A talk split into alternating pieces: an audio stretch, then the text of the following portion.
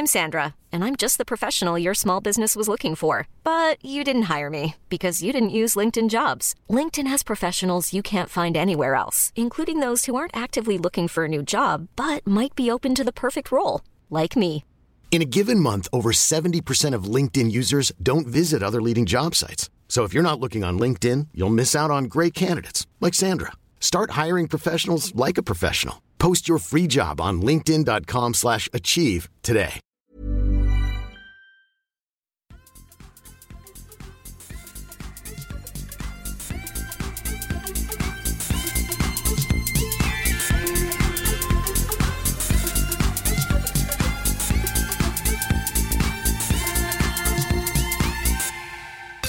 Då rullar vi igång med avsnitt 120 i ordningen av eh, den här lilla pratbubblan som vi kallar för Kedja ut. Om du förmodligen skulle lyssna på det för första gången så är det jag som är Tommy Bäcke och jag gör det här tillsammans med Niklas Nyman och Elina Rydberg. Hur mår ni? Fina Jo. fisken. Vi mår. Ni Vi, mår? le- vi lever och det är måndag. Precis. Ja, det kändes som att vi bara behövde suga tag i det här på en gång så att vi liksom har allting färskt, allt som har hänt i helgen. Du känner väl lite fysiska sviter antar jag, eh, Elina, mer än vad jag och. Nicke bör göra efter den här helgen i alla fall. Men eh, sen har vi ju konsumerat ett och annat på, på tv också. Eh, på det. Så jag tänker väl att vi, eh, vi tar och hoppar in i det på en gång. Ska vi inte göra det, eh, Elina? Jo, det kan vi göra. Mm. Hur mår, eh, hur mår du efter, eh, efter helgen? NT i eh, Linköping. Ja, alltså innan vi går in och, och börjar prata om själva prestationen um, så har säkert många av er som lyssnar redan uppfattat att jag hade en liten eh, traumatisk händelse inför att runda två precis skulle börja. Hade börjat. Vi hade spelat tre hål och sen så eh, fick vi pausa rundan på grund av ett eh, åskoväder som kom in över hela Linköping. Eh, och eh, ja, ni som följer mig på Instagram vet att jag lider av eh, PTSD när det kommer till åskoväder och blixtar främst. Så att eh, jag eh, fick panik och eh, får sådana sjuka ångestladdade eh, känslor. Och ja, än en gång, jag har sagt det så många gånger till, till honom innan, men Filip Eriksson från Katrineholm är ju en av mina teamkompisar i Disguise. Han var kvar på banan efter sin runda och eh, kom upp med bilen till hål 1 där jag var. Så att jag fick sätta mig i hans bil eh, under det här avbrottet. För att det enda som fanns var liksom ja, där omklädningsrummen var. Och det känns ju som en liten stuga som kanske skulle rivas.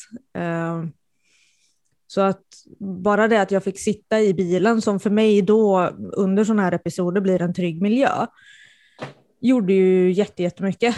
Men när det hade gått, jag vet inte, vad kan det ha varit, 30-35 minuter så har vädret blåst över och vi skulle börja spela igen. Men eh, där och då så hade jag egentligen bara behövt gå och lägga mig. För jag var helt tömd på allt. Eh, men hade ju då fortfarande 15 hål kvar att spela i runda två. Hur går tankarna inför omstart här då? Nej men alltså jag, jag är så skakis och ja, vi kan väl jämföra det med att när du har lågt blodsocker, Tommy, Mm. alltså man dippar, man är inte sig själv, man kan inte tänka ordentligt, man kan inte fokusera ordentligt och man är liksom bara skakis i hela kroppen. Men det var ju egentligen bara att försöka och liksom ladda om, försöka dricka mycket, äta någonting. Jag lyssnar alltid på musik på rundan, alltså försöka komma in i det och försöka tänka bort allting. men på något sätt så har liksom kroppen har åkt på ja, men en både psykisk och fysisk utmattning av att gå igenom den episoden som jag gjorde då. Uh, men jag gick med, med Linda och Anna och jag berättade för dem så fort vi hörde liksom att Oskar började mullra så sa jag det att jag får liksom panikattacker, jag, jag kan inte hantera det här. Uh, och de var jätteförstående alltså förstående med det och, och så. Uh, och supergulliga och försökte ju såklart att, att få mig att tänka på annat också. Uh, Hur lång tid så, tog det innan ni fick reda på att det skulle avbrytas då? Det, alltså, det var faktiskt riktigt snyggt gjort av TD för att han informerade oss om det innan vi hade börjat rundan. Så att när vi stod liksom i, i spelarzonen och värmde upp eh, så gick de ut och pratade med alla om att eh, bara så ni vet så det är ett oväder som är på väg in. Det kan bli att vi behöver avbryta eh, eller pausa nu då. Eh, skulle det vara så så kommer vi ut och, och ljuda med signal eh, så att alla hålen ska kunna höra och så får alla komma till hål 1 då. Till den här stugan eller omklädningsrummen. Eh, så att vi, var ju, vi visste ju om det. Och vi visste ju att det skulle komma ett oväder. Vi visste bara inte i vilken grad det var. Och jag har ju en sån här app så att jag kan se vart ovädret är. Och alltså det slog ju ner tre blixtar i en triangelposition runt oss. Och ett av dem var i skogen, jag tror runt hål 13. För att när vi kom ut på rundan igen så var det ett träd som hade vält. Mm. Och det blåste inte något avsevärt liksom. Um, så det var något som vi reagerade på alla tre i gruppen. Liksom. Bara, men va, har det vält ett träd här? Eh, i alla fall. Så det var väldigt bra liksom att man ändå, att alla fick den här förvarningen på att det kan vara så att vi behöver pausa. Så då får ni liksom komma hit. Snyggt gjort av eh, Fredrik som eh, tog det på en gång. Ja, verkligen. Verkligen. Mm. Nej, men så det, det var ju skönt. Mm. Och i övrigt, när vi ändå är inne på det spåret, eh, väldigt bra arrangerat av eh, TD och eh, Linköpingföreningen. Så det ska de ha en stor eloge för. Precis, vi spelade ju, eller vi spelade, det spelades eh, den andra deltävlingen i nationella touren på eh, i Rydskogen eh, i Linköping och eh, precis som du har varit inne på Elina, vi, eh, det var skakigt inför andra rundan på speciellt för er som spelade pool A, va? Pool B. B. Mm. Du säger inte ett rätt. Eh, men eh, ska vi ta damerna, hur det slutade? Eh, först. Ja. Du, eh, du kämpade tillbaka. Du hade det tufft. Eh, ja, alltså runda två eh, hängde ju bara på att genomföra. För så nära en DNF som jag var under den rundan har jag aldrig varit förut. Mm. När liksom huvudet var kokt. Jag hade ingenting med mig liksom. Och sen så gick det ju inte superbra heller av den anledningen. Um, så att inför finalen så låg jag sju kast bakom första platsen och då på en eh, fjärde plats. Jag hade en bit att klättra kvar till övriga eh, också. Men eh, finalrundan gick till att Eh, Johanna Larsson från Linköping kunde behålla sin ledning som hon tog redan runda ett faktiskt. Eh, och eh, behålla den under alla tre runder. Så det var riktigt, riktigt imponerande. Eh, hemmaspelare som faktiskt tog PB eh, bo, både runda ett och runda två. Så hon, hon trumfade sig själv där, runda två vad jag fick höra. Uh, Ultimate-spelare faktiskt, i grunden. Det ska det inte ha, ha de kastar i vägen. Det önskar man att man hade. Ja, och kondition om inte annat. Ja, det med. Uh, på andra plats så hittar vi Ruth från uh, Stockholm som eh, även hon, likt Johanna, gjorde sin första NT. Och det var tajt. Det var riktigt tajt. Jag utmanade nästan till ett särspel mot henne. Men eh, hennes caddy hade koll så hon kunde lägga upp på 18 och eh, ta en boogie och eh, gå säker. Hade hon gjort en dubbelboogie däremot så hade det blivit särspel. Och på tredje plats så hittade man då mig, Elina. Snyggt. Så nu har du en vinst och en eh, tredje plats hittills då och eh, lär ligga rätt bra i totalen va? Ja, eftersom jag är den enda som har spelat två. Ja, det stämmer. Än så länge. Det Men jag tror det är tre intressant. event som uh, räknas. Så kanske det är. Mm, Ja, Just det. tror det. Nicke, ska vi ta eh, herrarna eller openfältet? Ja, men det tycker jag väl. Jag såg ju faktiskt det som gick att se från finalrundan. Eh, jag köpte mig in där på DG Events på Solid Sport och satte mig och såg DGTV Play menar du? DG, eller DGTV Play. Vad sa jag? DG DG Event. Event. Förlåt, jag är lite skadad. Jag Sponsor, spelar ju för dem. Så att, Sponsor. Du är köpt, du är köpt Nicke. eh, men du Jo. såg liven. jag såg liven runda tre och Mm. det hjälps ju inte. Linus Karlsson är ju galet bra alltså. Eh, Men att- då skulle du ha sett Dennis. Ja, Dennis gick ju hot round sista rundan och jag tror även att han kanske gick hot round för hela helgen.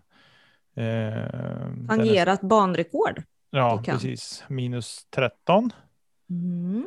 tror jag det var. Med en, dessutom en dubbelbogey tror jag va. Ja, Eh, Han hade så- ett par och en dubbelbogey, resten birdies. Ja. Eller hade han någon igel också kanske? Nej, inte sista rundan. eh, Jag måste kolla. Vi ska se. Nej, ingen igel Nej. hade han inte. Men han hade två par, en, en dubbelbogey. Hade han och Två resten. Ja, han gick ju en fantastiskt fin runda. Jag såg ju lead card där Dennis inte var med. Han gick ju på chase card. Utan jag såg lead card med Linus Karlsson, Max Rudjitnig, Christian Bengtsson och eh, Robin Willman. Eh, och det var roligt att se såklart. Men Linus är ju otroligt duktig. Ehm, Om vi stannar vid Linus ett tag, vad... eh, Är han en klass för sig? Just nu, ja. Eh, det måste jag säga. Han tar de två Eagles som finns och tar på banan. Det kanske finns någon fler som... som Ja. eh, jag skulle Em. säga att det finns nog. det kanske finns någon på par fyrorna också Tre, som är fyra. möjlig att ta. Eh, så, men han tar på par femmorna i alla fall tar han eh, Eagles. Mm. Och eh, det är klart att då tar han på två hål tar han fyra kast eh, mot par då så att säga. Och kanske ett kast eller två kast mot de som gör birdie. Så det är klart att det, det blir utslagsgivande såklart. När man kan sno åt sig dem. Speciellt på finalrundan. Eh, och Jag känner ju... Låg väl trea inför finalrundan också tror jag. Låg han tvåa? Han låg tre. Eh, sådär. Och jag tycker att han ser så otroligt avslappnad ut, eh, när han spelar. Men när man såg när han puttade och la i sista putten så var det ändå som att han pustade ut lite och landade i vad han hade gjort. Ändå. Mm. Så att jag tror att han har nog en väldigt hög, han har ju en hög högsta nivå. Självklart, det vet vi om vid det här laget. Och jag tror att han även har, eh, är så otroligt stark mentalt just nu också. Litar på sitt spel, litar på sina kast, puttningen är bra. Eh, och sådär. Så att han är ju en klass för sig. Nu, fick man ju, nu såg jag ju bara som sagt var typ ja, back nine i stort sett, eller knappt det på finalrundan. Men eh, nej, han spelade otroligt fin golf. Jag blir lite så här, eh, ja, men lite förundrad ändå. Nu har vi haft fyra relativt stora tävlingar i, eh, i Sverige hittills i år. Eh, vi hade en till ett i Mora där han gick och vann rakt av. Eh, där var det inget snack. Eh, sen har vi haft Heatland Open som man också ja, ligger och lurar i toppen hela tiden och så står han högst upp på pallen när det är klart. Mm. Samma sak på par-SM tillsammans med Oskar och nu gör han det igen. Mm. Mm. Vad kommer övriga herrspelare i, i Sverige behöva hitta på för att, för att inte hamna i samma situation igen eller för att lyckas knipa en titel framför honom? Ja, jag tror att det gäller, alltså jag menar, nu var han visade inte upp något brännande spel på lördagen ändå. Alltså han var där, men han var ju inte, eh, han låg som sagt var trea inför finalrundan. Eh, men väl på, där så går han, han går fyra kast bättre än Christian Bengtsson. Eh, han går tre kast bättre än Max Rudjitnig och han går hela vi ska se, han går hela sju kast bättre än Robin Willman där. Eh, det är klart att när han är på den nivån han är på i sitt spel på finalrundan och kanske lite nerver kickar in för alla. Så. Nej, då är han svårare på. Eh, för det, någonstans tänker jag så här. Vi har otroligt många duktiga spelare i Sverige som kan kasta disk långt, de kan kasta disk rakt, de kan putta bra och hela den biten. Någonstans vill jag som bryta ner här till att det sitter nog mycket i det mentala att hålla fokuset uppe. Eh, och så. Vi pratade faktiskt om det igår kväll på Umeå öppna. Jag och Tobias Eriksson när vi gick runt pratade vi om det att man spelar på hemmabanan och att man spelar lite för mycket på rutin så man fokuserar inte på varje kast ordentligt. Och så kanske det är. Linus kanske stänger av helt och hållet mellan han kanske fokuserar sina 20-30 sekunder vid varje kast. Eller kanske, han kanske tar några minuter, när han kommer upp till sin live så vill han liksom kolla, men vad ska jag hitta på här och så. Men mm. att då är det liksom fullt fokus, gör sitt kast och sen släpper han det. Eh, jag vet inte. Det skulle vara jätteroligt att prata med honom och höra hur han tänker under runder, om det är bara fullt fokus nästa kast, nästa kast, eller om han liksom slappnar av och tänker på annat eh, mellan hålen. Mm. Alltså grejen är att Linus visste ju eh, att eh, Dennis hade gått en fantastiskt bra runda. Eh, och att han bara behövde göra par. Han behövde para ut 16, 17, 18. på 17 så får han ju, om jag förstod rätt nu, scrambla sig till ett par för att han tog ett tidigt träd. Men lyckas ändå rädda par eh, därifrån. Mm. Eh, vilket gör att han kan faktiskt lägga upp putten på 18 och vara säker på liksom att det kommer gå bra. Så det är nog mycket som, som försiggår för honom i alla fall, skulle jag säga så här rent mentalt. Mm. Eh, Linus gjorde ju även en boogie under rundan på mm. hål 3. Hål 3. Precis. Ja, nej, jag vet inte. Jag, jag, eh, jag tror att man måste leverera på sin högsta nivå under tre runder, om det nu är en NT till exempel, mm. för att kunna slå Linus. Mm. Eh, som, det som, som blev, det ser ut nu. Ja, det som blev Bengtssons största fall, för jag pratade lite med honom, det var bogin på 14, mm. som är liksom en relativt lätt eh, birdie att plocka för de flesta skulle jag säga. Mm. Uh, men han fick en oturlig skip och uh, skippa OB. Mm. För det är en damm som är liksom precis bakom korgen, så får du en lite större skip där så ligger man ofta i dammen. Ja, precis. Jo, det såg jag faktiskt. Han skippade långt och sen missade han parputten där. Mm. Eh, och den, sen när han satte boogieputten så var den ungefär lika lång. Mm. Så. Eh, så att.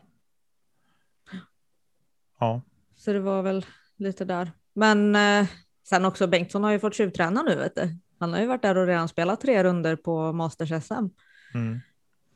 Han var väl lite, lite het. Precis. Det var en fröjd för ögat att se Christian kasta putters i alla fall. Det, mm.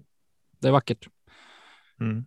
Eh, men som sagt, Linus Karlsson vinner 32 kast under par. Dennis Augustsson med en fantastisk sista runda slutar 31 under par och eh, Christian Bengtsson slutar på en tredje plats med 30 kast under par. Så det var tajt i toppen. Det var ju tajt i toppen i slutändan. Eh, så. Mm. Det är ju liksom. Hade, ju, hade Bengtsson tagit den där börden istället, då hade det varit liksom särspel. Då är det jämnt skägg. Då är det jämnt Mm. skägg. Sådär. Så att, eh, nej, det är små, otroligt små marginaler. Eh, det är det. Men Linus är ju som att han har ett litet, litet steg till eh, jämfört med de andra. Alltså i, i mina ögon i dagsläget så är det klasskillnad när man löser det så pass många gånger. Alltså att du vinner rakt av. Hela tiden. Det spelar ingen roll om det blir en sämre första runda. Han klarar fortfarande av att lugnt och sansat ta sig till eh, toppen och stå högst upp på pallen när, när tre rundor eller fem rundor är spelade. Eh, Jag har jättesvårt att se en annan svensk spelare kunna ta en tävling i år där han är med. Om jag ska vara ärlig. Mm. Det ska bli Ja. spännande att se. Det är två NT kvar och ett individuellt SM. Det är ju Mm. så. Eh, Och Västervik är krävande banor. Ja. Alla två. Mm. Sen så vill jag bara passa på. Alltså i junior upp till 15. Hjalmar Fredriksson. Minus 21. ah, han är bra. Är det häftigt? Eh, Han har skickat en M3 till idag, tror jag. Ja, alltså han vinner med till 30 en- kast. ja, det hade räckt till en sjunde plats i Open. Ja. Det luktar ser- lite gripler från 2020 kanske. Ja, kanske. Vi ser fantastiska, fantastiska resultat i junior under 18 också. På liksom minus 17, minus 13. Mm. Så det är härligt. Kul att se att eh, framtiden ser ljus ut. Eh, för Verkligen. oss. Bra avhandlat. Eh, när spelas nästa NT, Elina? Eh, Lund om tre veckor. Lund om tre veckor. Snyggt. Mm. 21, 22 tror jag va? Ja, något sånt. Borde vara. In, innan vi eh, springer på och eh, ska prata lite preserve som vi har väntat på så eh, Nicke, PB igår. Eh, ja, på den här bansträckningen, ja. Två under på Mariehemsängarna, det är inte fy skam. Nej, alltså jag är faktiskt... Eh, två under är ju inte jättemärkvärdig egentligen. Men jag hade inte så många birdie looks heller. Eh, de jag hade, de tog jag och sen hade jag en bonus birdie på 18.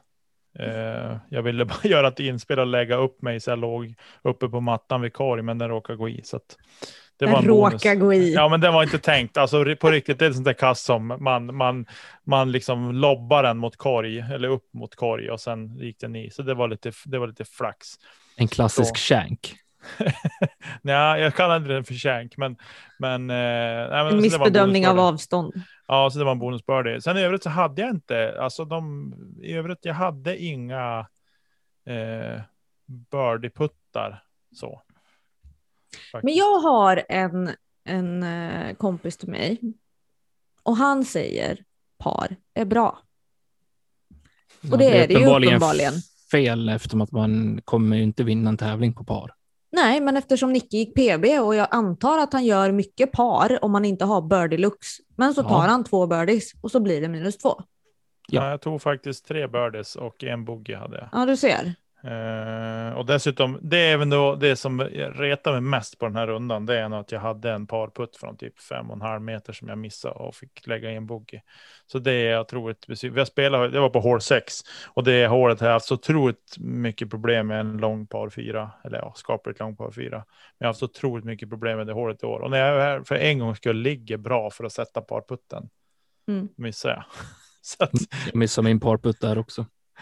Eh, så att det var lite, lite stökigt. Nej, men i övrigt så är jag, jag är nöjd. Jag fick göra birdie på hål 10 också. Det var länge sedan.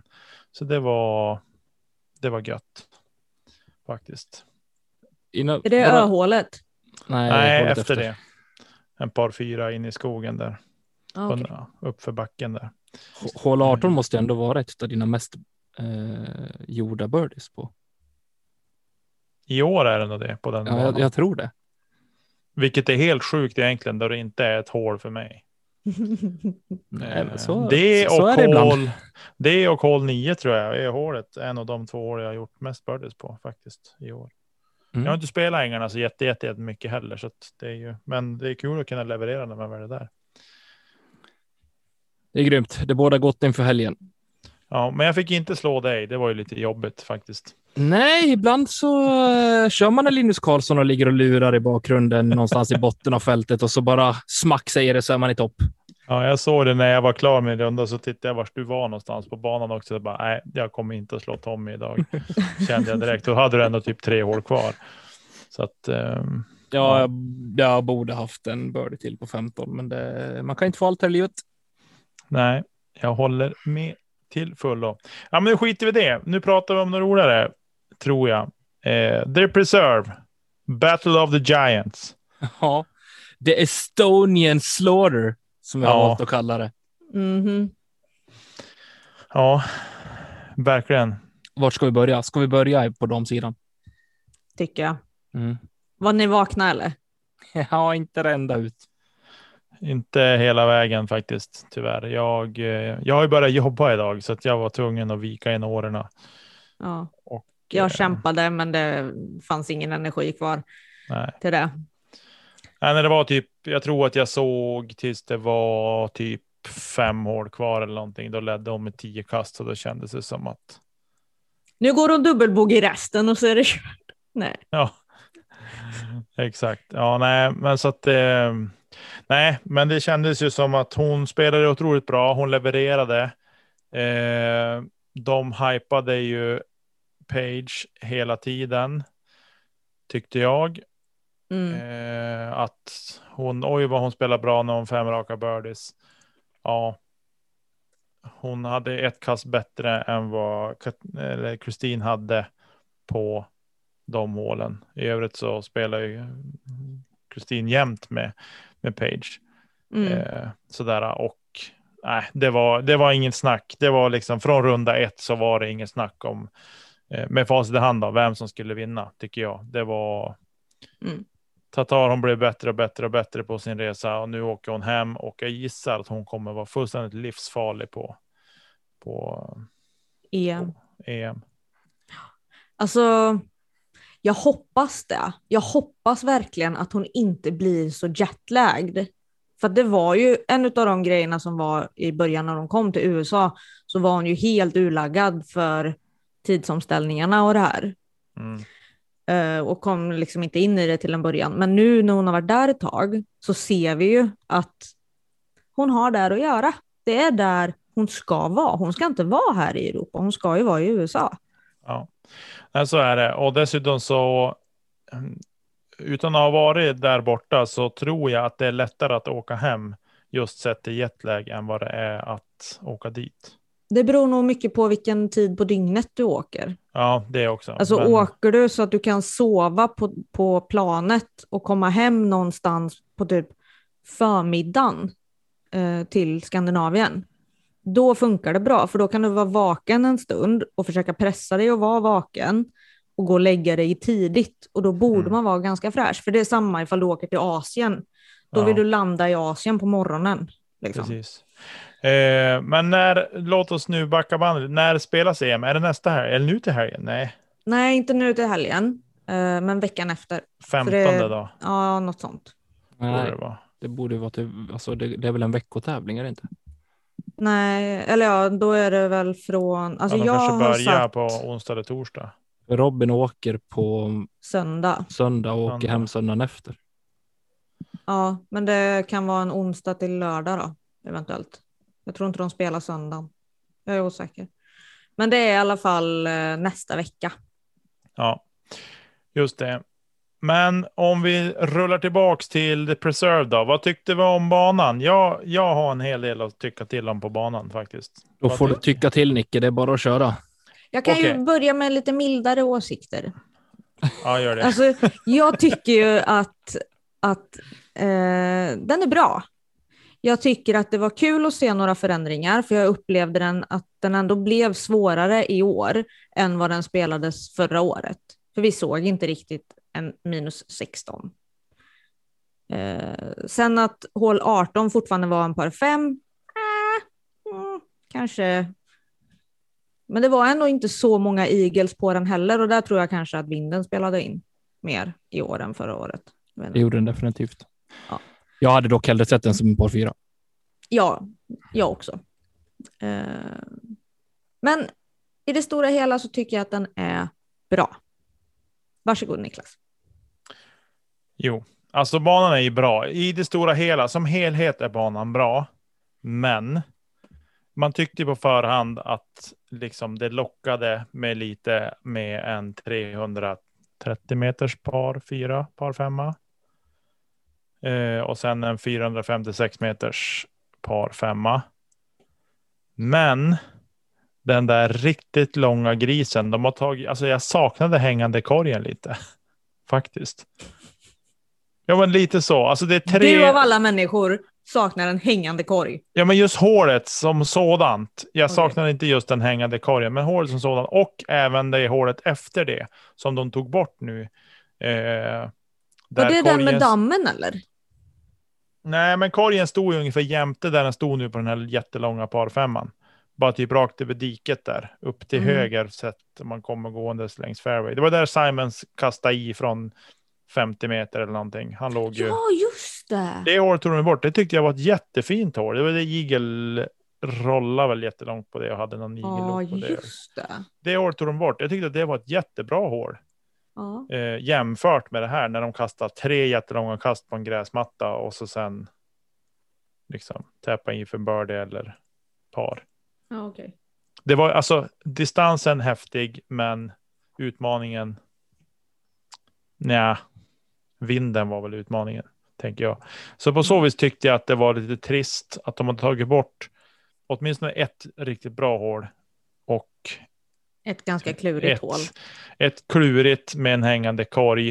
Eh, och ersatte med den här jättelånga. Däremot så gillar jag den här tajta parfyran inne i skogen. Eh, den tyckte Som man kunde se klipp eller? ifrån uh, Matteo, va? I ruffen, när han kastade. Ja, precis. Eh, götkonstigt. det hålet tycker jag, det tycker jag är bra, för då ser man vilken press det blir på dem att faktiskt träffa sina linjer. Mm. Eh, så det tyckte jag var, det hålet tyckte jag var jätte, jätte, jättebra. Eh, Ja, och alltså grejen är att det är ju dit det behöver komma. Till att Jo. det ska vara ganska långt, men det ska också bli liksom nålsögstajt i princip in Jo. mot korg. Precis. Eh, och de är väl, de balanserar väl på någon sorts knivsägg nu till alltså hur de vill ha det. Om de vill antingen leverera en bra produkt Mm. för tv, att det är lätt att filma och så vidare. Eh, och att det ska vara bra för publik eller om det ska vara svårt för publik och svårt att filma och få det att bli bra. Liksom. Eh, Någonstans är det ju liksom golf vi håller på med. Jo, men eh, det behöver kanske inte vara så tajt som det var här, även om jag tyckte det var ett jättebra hål. Så. Mm. Men alla hål behöver inte vara publikhål heller, Nej. faktiskt. Där i någonstans landar jag. Eh, Men eh, jag tycker väl att jag tycker inte att tävlingen i år var lika rolig att titta på som den var i fjol. Eh, faktiskt. Sen Cale har ju gjort ett fantastiskt arbete i, i vilket fall. Alltså totala miljön och hela den biten är ju fantastisk. Så det är hatten av för det. Och, Kan det eh, vara för att det liksom inte var nytt i år? Delvis. Alltså lite, ja så här, och så det är ju jättetråkigt eftersom det har varit en sån torrperiod. Så att allt gräs var ju liksom dött och det var ju liksom inte vackert på det Nej, sättet. Alltså det var precis. inte scenic vackert. Nej, tävlingen spelades ju tre veckor senare i år tror jag. Mm, Än vad den gjorde i fjol också. mm, Eh, och det kan ju klart att de har väl haft en torr period där nu eftersom att de har så mycket skogsbränder också. mm. Så att det är klart att det har påverkat mer. Men eh, ja, nej, men totala hela i, i det stora hela så tycker jag att tävlingen som sådan var, kändes lite tråkig. Jag har verkligen sett fram emot den här tävlingen, alltså länge sett fram emot den. Då man har Mm. hört om, om förändringar och så. Men eh, det vart lite magplask så sett till den biten. Faktiskt. Men i övrigt bra tävling, bra spel och, och så. Det tycker jag. Vad tycker Tommy? Jag ska inte ha några åsikter. jo, Jag har ingen Kom igen på det. Nej, men Jo. jag, jag tyckte det var fantastiskt kul att följa. Eh, Men jag eh, fokuserade nog inte så mycket på banlayouten. Jag var mer intresserad av hur faktiskt spelet skulle gå. Sen eh, kan jag väl tycka att backnine är lite för lätt fortfarande. Det känns som att eh, spänningen avtog lite grann. Det enda som höll kvar det var att man visste att Eagle aldrig skulle komma fram på hål 17. Eh, Det var väl typ det som kunde förändra.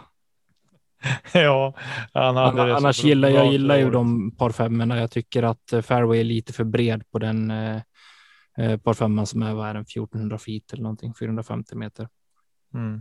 Mm. Eh, jag menar fairway är 100 meter bred.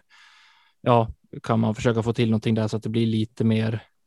Och du ska kasta och missa vattnet. Det är typ det du ska göra. Ja, Mm. den och så. Ja, ja precis. Eh, så jag tycker att Älskar också, det finns en utmaning liksom i, även i bandesignen och jag hoppas att vi kommer få veta mer om tankar och så kring hur man tänker när man designar hål och banor också här om några veckor när vi ska prata med en känd bandesigner. Mm. Alltså jag älskar också den här kommentaren, finalrundan, när Igel kastar i vattnet som är liksom långt bort. Eh, och får stå vid den här eh, väggen där. väggen. Och, och så bara, ja alltså det är ingen OB här för att Cale har nog tänkt att man inte ens ska vara här. Jag tycker det var så klockren kommentar. Ja, Bara, Ja, nej, du ska roligt. inte vara där. Det är Nej. helt rätt det. precis. Nej, men det var väl lite så. Alltså just att fairway var så otroligt vid. Mm. Det är en sak, men sen även tyckte jag på, det var ju på eh, den andra parfemman också, där korgen stod i backen. Det var jättebrant backe där korgen stod. Eh, där tycker jag att de hade kunnat tvinga dig att spela på en eller andra sidan av vattnet där. Nu Mm. gick ju Mario gick ju upp till höger alla runder och Mm, kastade så. den vägen. Eh, Mando-älskaren ha öppet Mando? Eh, och, på, och många av de andra spelarna gick till, till vänster om vattnet. Mm. Nej, jag vill inte ha upp ett man då, men man kan liksom tvinga, tvinga spelet till den ena eller andra sidan. Så. Eh, med att göra en ö eller något annat. Göra OB helt enkelt. En OB-linje. Mm. Eh, Vill du det Nicke? Ja, men just så här kan jag tycka. På ett sånt där hål kan jag tycka det. För det vi har pratat om tidigare, det här med att följa regeln. Nu gick Mario på ena sidan. det och de andra gick på den andra sidan. Han kan göra precis vad han vill vid sin disk. Ja. Nej, men och sen, eh, jag tror också, jag har absolut inget svar på hur man skulle kunna, jag är ute efter lite samma lösning som dig Nicke också. Sen hur man ska komma dit, det vet jag inte. Jag sitter och pressar det bara för att vi står och hatar på Mandon och Obeliner annars. Eh, men just eh, om det på något sätt skulle kunna gå att jobba med, med tidplaceringen på en annan vinkel, eh, alternativt göra håret något kortare eller spela på ena sidan bara eh, Mm. på något sätt. Eh, Ja, där ska man, behöva, man skulle behöva flytta tid där till exempel.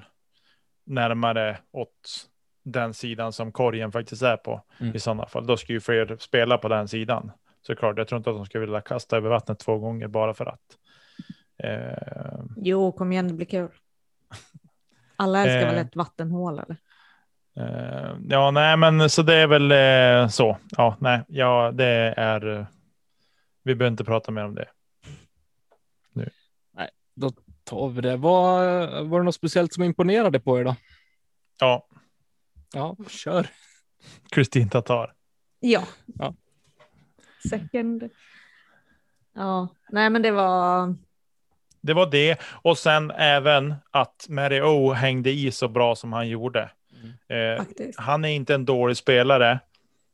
Absolut inte. Jag tror att han har höjt sitt spel också när han har spelat med, med världstoppen i alla runder också. Det tror jag också gör och det tror jag att det tror jag alla kan relatera till när man spelar med bättre spelare, att man spelar lite bättre själv också, lite mer fokus. Och, nu är han en gamräv. Han har ju spelat liksom länge.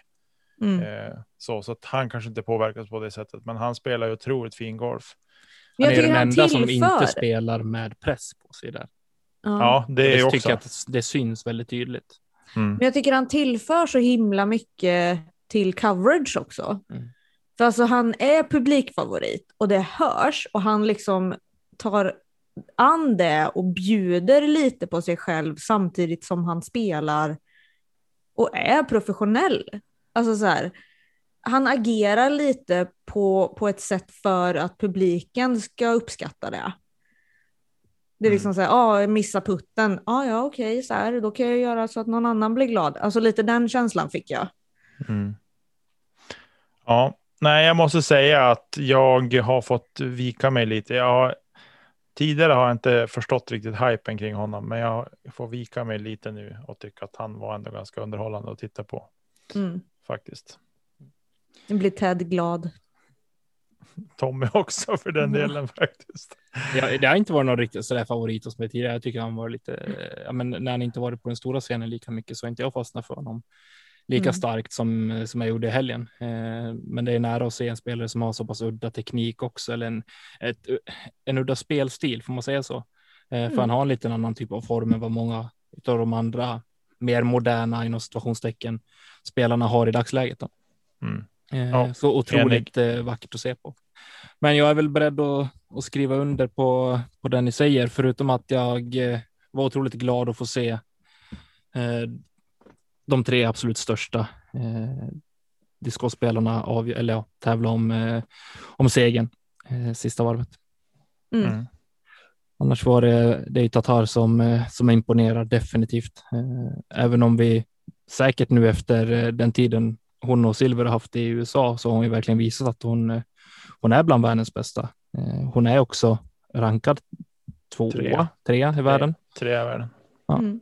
och eh, samtidigt på första plats och eh, femte plats så har vi två andra europeer som eh, nu i helgen som var gjorde det väldigt bra i, i Kuopio i eh, Finland också där Evelina Salonen vinner för Hanna Blomros.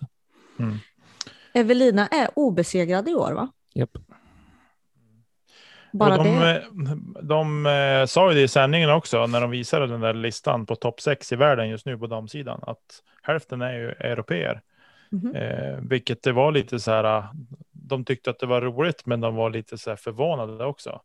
Mm. Medans jag tror att vi med så här. Ja, det var väl på tiden att ni faktiskt fick upp ögonen. Eh, för Men då pass- sitter de ju och letar anledningar till att det inte ska vara så i alla fall. Så jag, jag är så trött på den amerikanska naiv- naiviteten. Jag, åh herregud, släpp nu, nu går vi Kör. vidare. Jag kommer Kör jaga. Nej, men jag är så jävligt förbannad på Jamie Thomas, bla, främst han och även eh, Valerie Jenkins. Alltså de sitter och bara översitteri i allt de säger kring allting. Det är Page Pierce hit och dit hela tiden. Men titta vad som händer med henne. Hon blir fullkomligt jävla överkörd av en europé som inte ens är i topp i Europa. Va, alltså på, på riktigt, svälj era jävla stolthetspiller och kom in i matchen. Öppna ögonen, det finns en annan värld. Men de fattar ju inte det. Bra där. Nu går vi vidare. Eller har vi något mer att tillägga? Nej, jag blir lack alltså. Ja, det, Det är synd att hon måste åka hem. Ja. Men vad det lät som så kommer ju Kristin tillbaka till hösten Ja, och får verkligen avslutar hoppas. touren. Ja, hon var väl nu för att samla ihop poäng så att hon skulle få spela eh. Ja, och DGPT-finalen. Ja, precis. Och, hela, det. och det tycker man väl att hon har som var här och, och gett lite håll käften-segrar nu. Så att, eh, det var så. gött. Hade dock velat se henne på Ledgestone alltså. Ja, Det är ju en tävling som eh, Katrina Allen har vunnit, vad är det, fem eller sex, sju gånger i rad. Mm. Eller något sånt. Det är en rolig bana Mm, också. Väldigt rolig bana. Den Det är kommer lite- snart. det är lite fascinerande då att Katrina är väl kommer väl först på en fjärde plats på världsrankingen. Va? Hon Tror jag. kommer på en Mm. fjärde plats, ja. Eh, och man tycker när någonstans liksom är du world champ så, att, så tycker man ju att hon borde vara högre upp. Men eh, Ja, men hon tappade några indexpoäng såg jag nu efter eh, Preserve. ja, jag vet inte hur de räknar det där heller ska, ska tilläggas. Så att jag, jag eh, ska inte, men det är ändå liksom, hon är ändå världsmästare. Någonstans tycker jag att det borde hålla upp henne på, på rankingen. Kanske före Page, kanske bytt plats med Page till och med. Kanske. Men alltså det har ju att göra med antal segrar och Jo, placeringar jag och förstår sånt. det. Och för henne diffar det säkert oftare från topp tre ner Mm. till topp, Jo, hon har fyra, ju fem, höga, sex. höga toppar och djupa dalar. ja. Och de andra håller sig liksom, alltså som sagt, Evelina har inte förlorat än Nej. i år. Nej. Är det någon som Eh, sitter Henna på- ligger ju precis bakom henne. Alltid. Mm. Precis. Sådär. Är det någon som eh, sitter på exakt hur de faktiskt räknar ut det här och kan förklara det på ett eh, väldigt eh, enkelt sätt för oss så får ni gärna höra av er till kedjautsnabla.gmail.com. Jag vet att de har pratat om det i eh, Griplocked, men där är de så jävla... Man orkar inte lyssna på det. Nej, Den det är här- korrekt. Kan du förklara på svenska på ett pedagogiskt sätt? Snälla gör det. Tack. Vi tar gärna emot det. Men det ska tydligen vara att man vinner över någon som vinner över den andra och så, sådär. Typ som rating, fast lite enklare. Ja. Hur som helst. Ledgestone i helgen, fyra runders eh, turnering. Torsdag, fredag, lördag, söndag. Det blir kul. Slipper den här veckan bli så lång. Eh, och så har vi även Masters VM, men jag tänker att eh, vi lägger ingen större energi där eftersom att eh, Åke som vi hade få besök i podden för några veckor sedan inte kommer att åka var det senaste jag hörde i alla fall. Jättetråkigt. Ja, Nej, men det är den här himla covid-skiten som ställer till det och jänkarna är så. Ja, de är rädda på att åka på däng helt enkelt. Ja, men alltså det såg ju lovande ut med att det skulle lätta så att han skulle få åka utan problem. Men det gick inte. Fattar inte att de Lättnaderna här. kom inte i tid. Nej. Nej, och sen hjälps det ju inte att han har fått sina doser heller. Nej, vilket är Tydligen. jättekonstigt.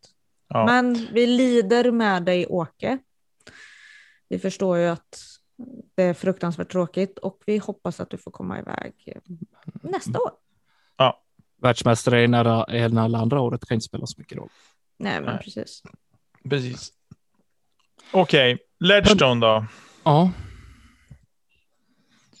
Jag känner mig råtaggad på tävlingen. Jag tycker att det är roligt. Jag tycker att det är roligt när det är proffstour och eh, man får sitta uppe sent och se discgolf. Mm. Eh, Ledgestone är en väldigt fin bana också. ja, det är det. När jag, när jag Eureka Lake, va? tänk, eh, Mm. Ja, visst heter den så. ja, det kanske den gör. Det enda jag får så den här. spelas väl på två banor? Gör den inte? Nej, kanske. Nej, förlåt. Förlåt. Ska inte säga något. Jag inte vet något. Eh, jo, när jag, när jag hör Ledgestone och tänker tillbaka till tävlingen så tänker jag alltid på Katrina Allens Ace Run på det här hålet med dammen. Det är en jättefin damm liksom på högersidan. Och det är en Spikeheiser ner. Och hon drar i kedjorna, mycket kedjor på det kastet. Och den bara spikar rätt ner i backen. Jag tänker bara på Paul Macbeths Ace Run. På när han sätter disken i korgen och den sitter fast. Är det därifrån? Jag, är jag väl- tror att det är hål fyra. över baseballplanen där. base- Baseballplanen där. Coolt. Mm, det är coolt. Det är det sjukaste. Mm. Och vattentornet väl också på den här banan va? Ja, hål nio. Nej, jag har ingen aning. Nej, jag har ingen Sitter bara spotta hålen. Nej, men- Jag har ingen aning. Det är väl ett av de senare hålen ändå. Ja, Ja, det kanske det är. ja. Det är Hur typ som helst 16. så ska det ju bli väldigt intressant och Ja. roligt som alltid. Det ska det bli. Vi ska inte sitta och killgissa vilka hål det är. Jag Eh. tänker så här att vi ska, jag hoppas att våra lyssnare orkar sitta upp en stund till och eh, höra på en lite, ett litet resonemang. Eh, för när jag var med i Let's Snacka Plast och jag snackade lite grann med, med Ted och Anders där så var ju Ted väldigt uppjagad kring lag-SM. Eh, och jag, vi blev ombedda att ta upp det här och jag tänkte att nu börjar det snart faktiskt eh, närma sig så att vi kan ta den här pucken vi också idag. Har ni lust att göra det? Ja. Eh, vad, alltså, i, I dagsläget, hur, hur det liksom är upplagt, tror jag att vi kan vara väldigt överens om att så bör det kanske inte vara. Eller vad, vad säger ni? Ja, alltså det här blir ju kanske lite svårt för Niklas att eh, diskutera fritt i, men vi får ju ta Niklas syn på allt det här som Såklart. individ i och med att han sitter med i tävlingsgruppen. Men vi kan ju också framföra våra åsikter. Det är det som är privilegiet med att ha dem här. Eller hur? Eh, nej, alltså vi har ju pratat lite om det här eh, off air så att säga. Men eh, jag tycker ju att det är alldeles för få lag som kommer vidare från kvalet. Alltså att tre lag ska få, få komma med. Det tycker jag är alldeles för lite. För att det gör ju liksom så här att ja, men vi spelade bra och nu vet jag inte, det är väl 16 lag, så säg 13 lag som kanske inte ens är samma lag ska redan ha en plats. Alltså det är så här, ja, du som förening fick en, eller alltså ni då som förening fick en plats förra året med de här fem individerna. Ja, tre av dem spelar inte längre. Varför ska de då få ha kvar sin plats? Eftersom det är ju ändå de här fem individerna som har tagit den, det laget till den platsen. Alltså det är ju som, ja, jag vet inte, jag tycker det är fel. Jag ska tillägga det också att det är här sidan vi pratar om just nu. Ja. Så att vi inte blandar ihop det, för det är lite annat på de sidan. Ja. Eh, Jag tycker väl, eh, som jag sa, att eh, ja, jag håller med dig Lina. Det är för få lag från kvalet som går vidare och jag tycker att, som sagt, det här är vad jag tycker. Jag har ingen liksom, faktabeläggning för det här alls. Men det känns som att i de flesta klubbar så kommer det in nytt folk hela tiden som blir bättre och bättre spelare. Eh, Och fler klubbar har fler toppspelare att ta av. Eller spelare som är duktiga. Mm. Eh, vilket gör att man höjer sin, eh, om man säger, snittrating på sina spelare. Mm. Och eh, jag är beredd att köpa att topp fyra ska vara kvar. Alltså Ja. de, de fyra bästa lagen från året innan, ja de ska ha en plats. Mm. Eh, men skillnaden mellan ett lag som på näppen inte tar sig vidare från ett eh, regionkval, skillnaden mellan det laget och ett lag som kom på åttonde, nionde, tionde plats i laget sen från året innan, den skillnaden är inte stor. Nej, om ens någon. Nej, och är det någon som vill säga emot mig här så gör gärna det. Men jag hävdar fortfarande att den skillnaden är inte alls stor. Alltså jag kan, jag kan tycka att plats ett till fyra, då har man ju liksom lyckats på riktigt också i liksom prestationen. Sen så är det ju fortfarande liksom, ja det är inte ens säkert det är samma lag, alltså samma uppställningar inom de här fyra. Men jag tycker ändå att de har gått till semifinaler och på så sätt så kan man få behålla sin plats. Alltså att de, de fyra lagen som, som har gått till semi, de har en plats nästa år. Men det gör ju också liksom att vi har tolv andra platser till alla andra klubbar i hela Sverige. Så att skulle man då dela in alltså kvalområdena till lite större pooler så att säga att man har eh, två i, i norra delen av landet och två i södra delen av landet, alltså jämnt fördelat nu då. Och då kan liksom tre lag från varje plats gå vidare. Och så, Så det- kanske man har ett wildcard. Det vi, det vi alltså sitter och säger är att det inte är fler lag från kvalet ska gå vidare utan att det är färre lag från året innan som ska vara garanterade en plats och att man ska behöva spelas. Eh, man ska behöva spela till sig en plats i, i laget som samma år. Mm. Precis. Så att fyra plats är liksom, eller fyra lag är låsta från föregående års prestation. Mm. Alltså placeringarna 1, 2, 3, 4. Då är det tolv lag som ska tillsättas från ett kval.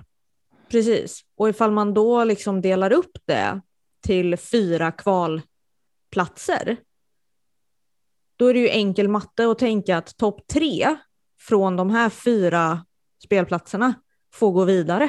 Eller får en plats i årets upplaga av lag-SM. Mm. För att det är ju uppenbarligen de tolv lagen som har lyckats prestera bäst. Ser, ser man någon utmaning i eh, det upplägget, Nicke, som jag och Lina sitter och diskuterar nu? Eh, nej, alltså. Jag får vara lite försiktig med vad jag säger, tänker jag. Nej, men eh, nu till nästa år, till 2022, så är det ju sex platser att spela om. Mm. Eh, eller att kvala om, ska jag säga. Eh, med det upplägget som är nu, för att få söndagen eh, med det formatet vi har, eh, så att få, för att få alla lagen, alla 16 lagen att spela även på söndagen eh, gör att formatet nu i år blir att de lagen som går vidare på lördagen till söndagens finalspel, eh, då de lagen som inte tog sig vidare, de spelar om plats 9-10 på söndagen. Mm.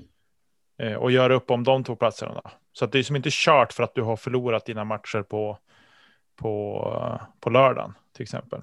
Eller hur det nu liksom, hur det har sett ut. Eh, det, det är så det ser ut så nu. Så att, eh, sen hur det kommer att se ut efter, alltså fram till 2023 blir det då. Det får vi se helt enkelt. Eh, det finns många olika idéer om hur det ska, hur det ska se ut och hur det ska spelas. Eh, som det är nu så med det format vi har idag så är det ju eh, 16 lag som ska spela slutspelsträdet om att göra upp om, om guldet då så att säga.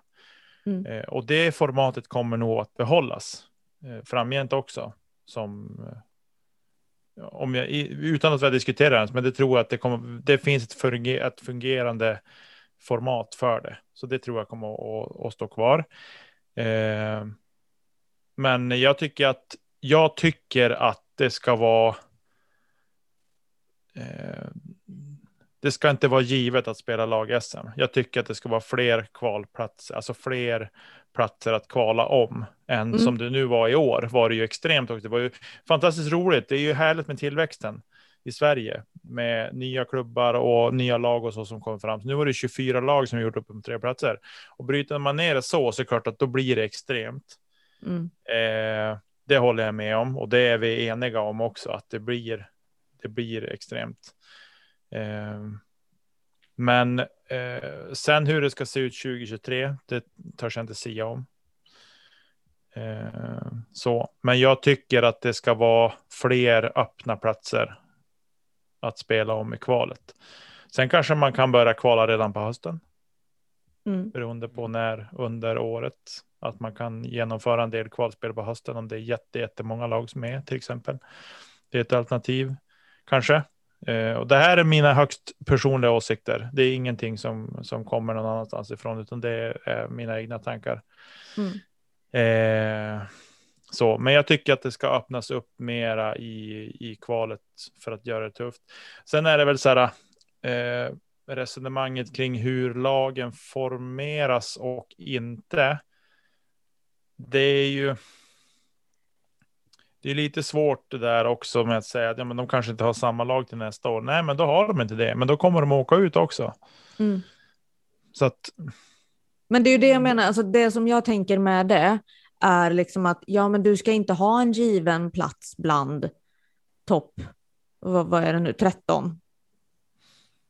Alltså så här, för att eh, risken att åka ur blir ju väldigt liten om det bara är tre lag som åker ur. Mm. Då tycker jag det är bättre att det är färre som, som får stanna kvar.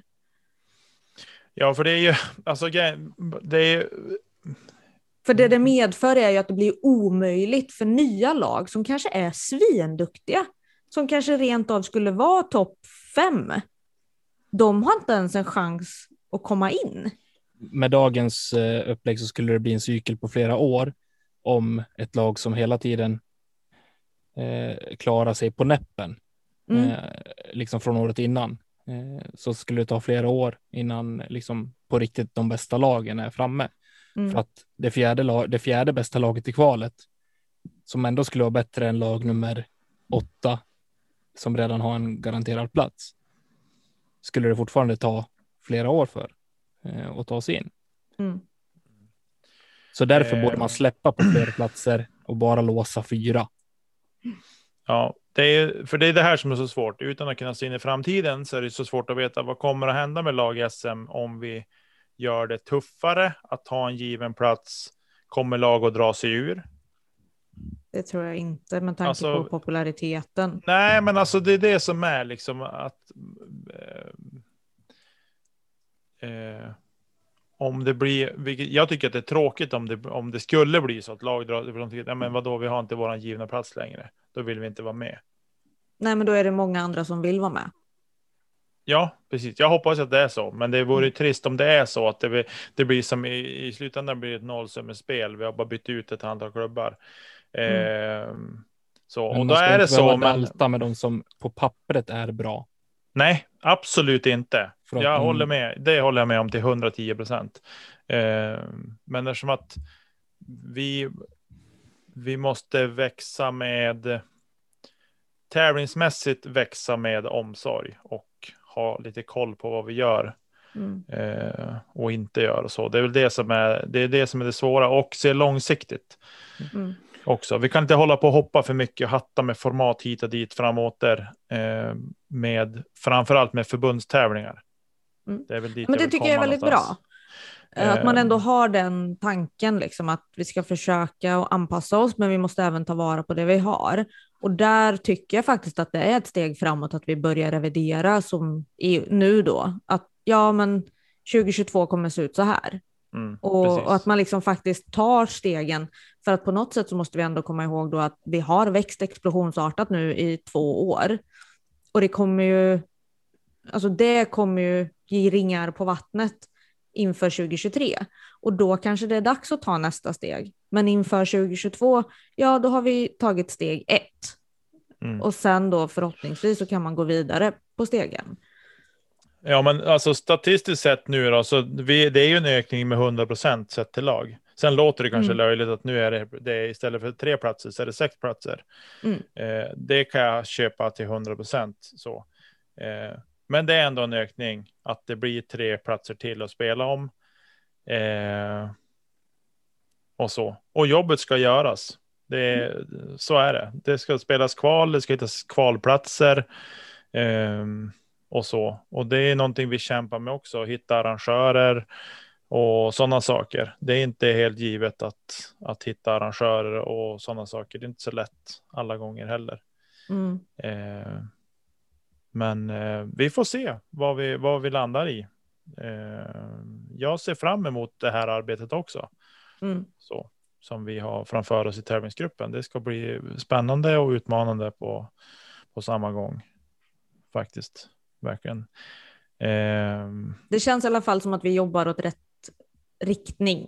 Alltså att man, man tar till sig, man tänker vad kan vi göra annorlunda för att utveckla och så ändå jobbar framåt. Ja, men vi vill ju leverera, alltså någonstans i slutändan handlar det om produkten discgolf. Eh, Mm. Och hur vill vi att den ska vara för elit- elitspelarna och klubbarna i landet som deltar i förbundets tävlingar. Mm. Eh, det är den produkten vi vill göra så bra som möjligt. Och eh, det är ju en det är ett levande dokument kan man säga. Och så. Ja. Ehm, så, men jag, jag gillar era, era takes på det här. Ehm, jag tycker att det ska vara fler kvalplatser. Det är väl det jag kan säga. Mm. Ehm, eller kval, ja precis, alltså platser att kvala om för att ta sig in till slutspelet då. Till de Mm. topp 16 lagen som ska göra upp om guldet i slutändan. Då vill jag avsluta det här lagets em, ja, avsnittet med en liten hot take. Jag vill bara ha Mhm. svar ja eller nej. Är ni med? Uh-oh. Okej. Är det rätt att Magpie har en direktplats efter ihopslagningen med Castlewood? Va? Ja, det var de de gick ihop med. Men är det för att Castlewood inte är en klubb längre? Eller är det... Hopslagningen har jag ingen aning om. Det vet jag ingenting om. För att ifall det skulle vara... Nej, alltså nej. Jag kan inte se någon möjlighet där jag tycker att det är okej. Uh, så jag säger nej. Med argumentationen till att mm, skulle det vara så att Castlewood inte är en existerande klubb längre, men att de då menar att styrelsen från Castlewood har slagit samman med styrelsen i Magpie och bildat en förening som numera då heter Magpie. Så tycker inte jag att det funkar i alla fall, för i så fall borde den platsen vara öppen för kval. Tack. Eh, för att då har man sagt att vi är inte en förening längre. Nej, okej, bra. Då är er plats till förfogande för kvalet. Ehm, För att annars så kan man ju bara säga nej men Forshaga är inte en förening längre för att alla de är ändå medlemmar i Karlstad också. Så vi kan ta Forshagas plats, det gör ingenting. Alltså det funkar ju inte. Ja, nej, jag tycker inte att man får göra så. Ifall föreningen skulle vara så att vi är inte en förening längre, vi finns inte längre, vi kan inte ta våran plats i lag-SM, då får den platsen finnas till förfogande under eh, kvalet. Nicke? Pass. Nicke kanske inte kan yttra sig om detta. Jag känner att jag sitter på två stolar här så att jag väljer att inte svara. Jag, jag kan svara privat till er sen vad jag tycker kring det där, men jag tänker inte säga något så här. Jag eh, förstår Elinas eh, resonemang och det är väl lite dit mina ja, moraliska åsikter eh, lutar också. Eh, definitivt finns inte eh, Kasselod kvar som förening och eh, de lämnar en plats i laget. Så nej, då ska inte den bara överlåtas till, eh, till Magpie för att de råkar ha slås, slagits ihop med den föreningen. Eh, då tycker jag den ska kvalas ut alternativt användas som wildcard. Mm. Däremot så finns det faktiskt eh, andra stora exempel i, i sportvärlden där det här förekommer hela tiden. Ta fotbollen till exempel när eh, en stor förening köper upp en mindre förening och använder det som ja, men, utvecklingslag eller eh, farmalag i hockeyn. Eh, och därmed tar man byter namn på föreningen och eh, tar över lagets plats i deras division. Det är fortfarande ju... fel. Ja. Jag säger bara att det finns eh, ah, ja. två mynt av det, men eh, mm. min, eh, min moral lutar mer åt dig. Sen eh, finns det pengar i det också. Kanske inte i mm. discgolfen, vad vet jag. Nej. Det är intressant. Och det här, när jag ser, precis som Ted sa när jag pratade med dem också, det är ingen känga mot, eh, mot Magpie alls, utan det är mer en frågeställning nej, nej, alltså... kring eh, vad som kanske borde ha gjorts istället. Mm. Precis. Det har ju ingenting med de faktiska föreningarna att göra. Nej. Det, Utan nu är det bara så att det här var två namn som, mm, som var så. Jag tvivlar på att Härnösand skulle sälja sin finalplats till, till Umeå för x antal tusen. Liksom. Eller? nej, jag skojar. ja, nej. Choppe kliver fram med plånboken bara, här är grabbar. Lyssna på det här. Nej. Det, har ni åsikter kring det så får ni gärna höra av er till oss via Instagram på DM eller skicka ett mejl till kedjautsnabbla.gmail.com. Detsamma gäller även om ni har åsikter eller tankar kring våra avsnitt. Och eh, har ni topics eller ämnen som ni vill att vi diskuterar så hör av er vet jag. Mm -hmm. I övrigt då, ska vi ta och slå igen portarna för den här gången? Det tycker jag. Ja. Eller har vi något smaskigt att dela med oss av? Eh... Till helgen ska det ju faktiskt spelas. Eh, Till helgen ska det ju faktiskt regna, tänkte du skulle säga. jag är ute och åker raggarbil. Till helgen så kan den eh, vara i Forshaga. Nej, jag skojar. Eh, men det ska faktiskt spelas eh, tredje deltävlingen av Amatörtouren. Som Niklas sponsor DG Events arrangerar. Falköping? Söderhamn. Söderhamn. Är det. Söderhamn. Ja. Åk dit och spela, ni som kan. Ja, faktiskt. Det är många, eller många, det är 20 platser kvar. Um, så att gå in på dgevents.se och så klickar man in på Svenska Amatörtouren så kan man se jag tror man ska komma till butiken där någonstans så kan man se ifall det finns platser kvar i sin klass ja. och så anmäler man sig i King efteråt. Precis. Uh, gör det, det blir kul.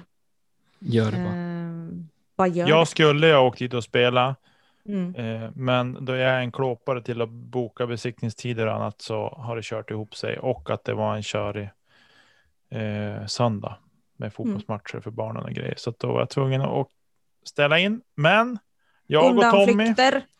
Jag och Tommy ska mötas i Umeå Open till helgen. Vi ska kramas på pallen. Det är ytterst oklart, men vi ska i alla fall mötas. Vi spelar i samma klass, intermediate, MA2. Eh, och vi hade en liten diskussion idag om vad, vad man måste gå för att vinna det här. Mm. Eh. Innan, vi, innan vi går vidare nu, för jag måste bara säga det att i Söderhamn så är vi totalt 20 damer som ska spela. Vi är 15 stycken i Recreational Women och vi är fem stycken i Advanced Women. Mycket bra. Mhm. Riktigt roligt. Mm. Faktiskt. Eh, jo, sen, jo, jag vill göra en liten annonsering här. Den 21 augusti så är det eh, PDG sanktionerad tävling i Sävar. Ooh. För de som bor nära och så. Bullseye Challenge kan ni leta rätt på i King. Det är en C-tier och det är bara amatörklasser, men advanced är med så att även ni som har relativt hög rating kan välja att joina med där.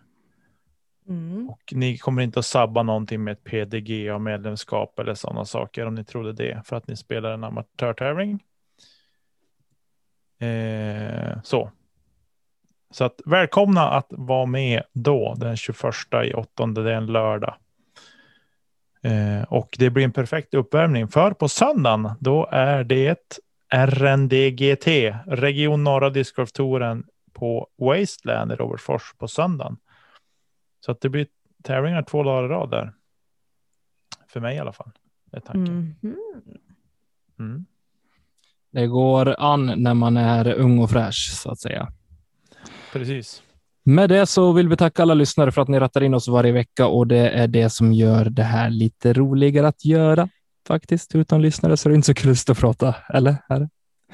Eh, Stort tack till Marcus Linder och Emil Lennartsson för vignetter, jinglar och grafik. Sen vill vi rikta ett stort tack till alla våra patreons som gör det lilla extra för oss. Era bidrag är ovärderliga.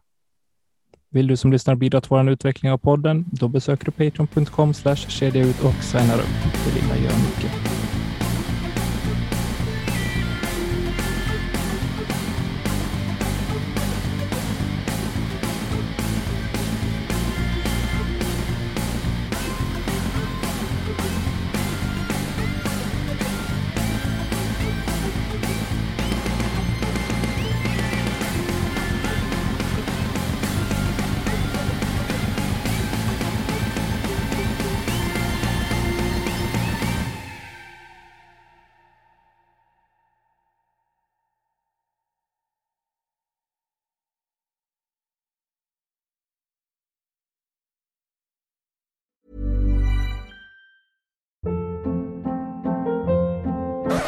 Hold up. What was that? Boring. No flavor. That was as bad as those leftovers you ate all week. Kiki Palmer here, and it's time to say hello to something fresh and guilt-free. Hello Fresh. Jazz up dinner with pecan-crusted chicken or garlic butter shrimp scampi. Now that's music to my mouth. Hello Fresh. Let's get this dinner party started. Discover all the delicious possibilities at hellofresh.com.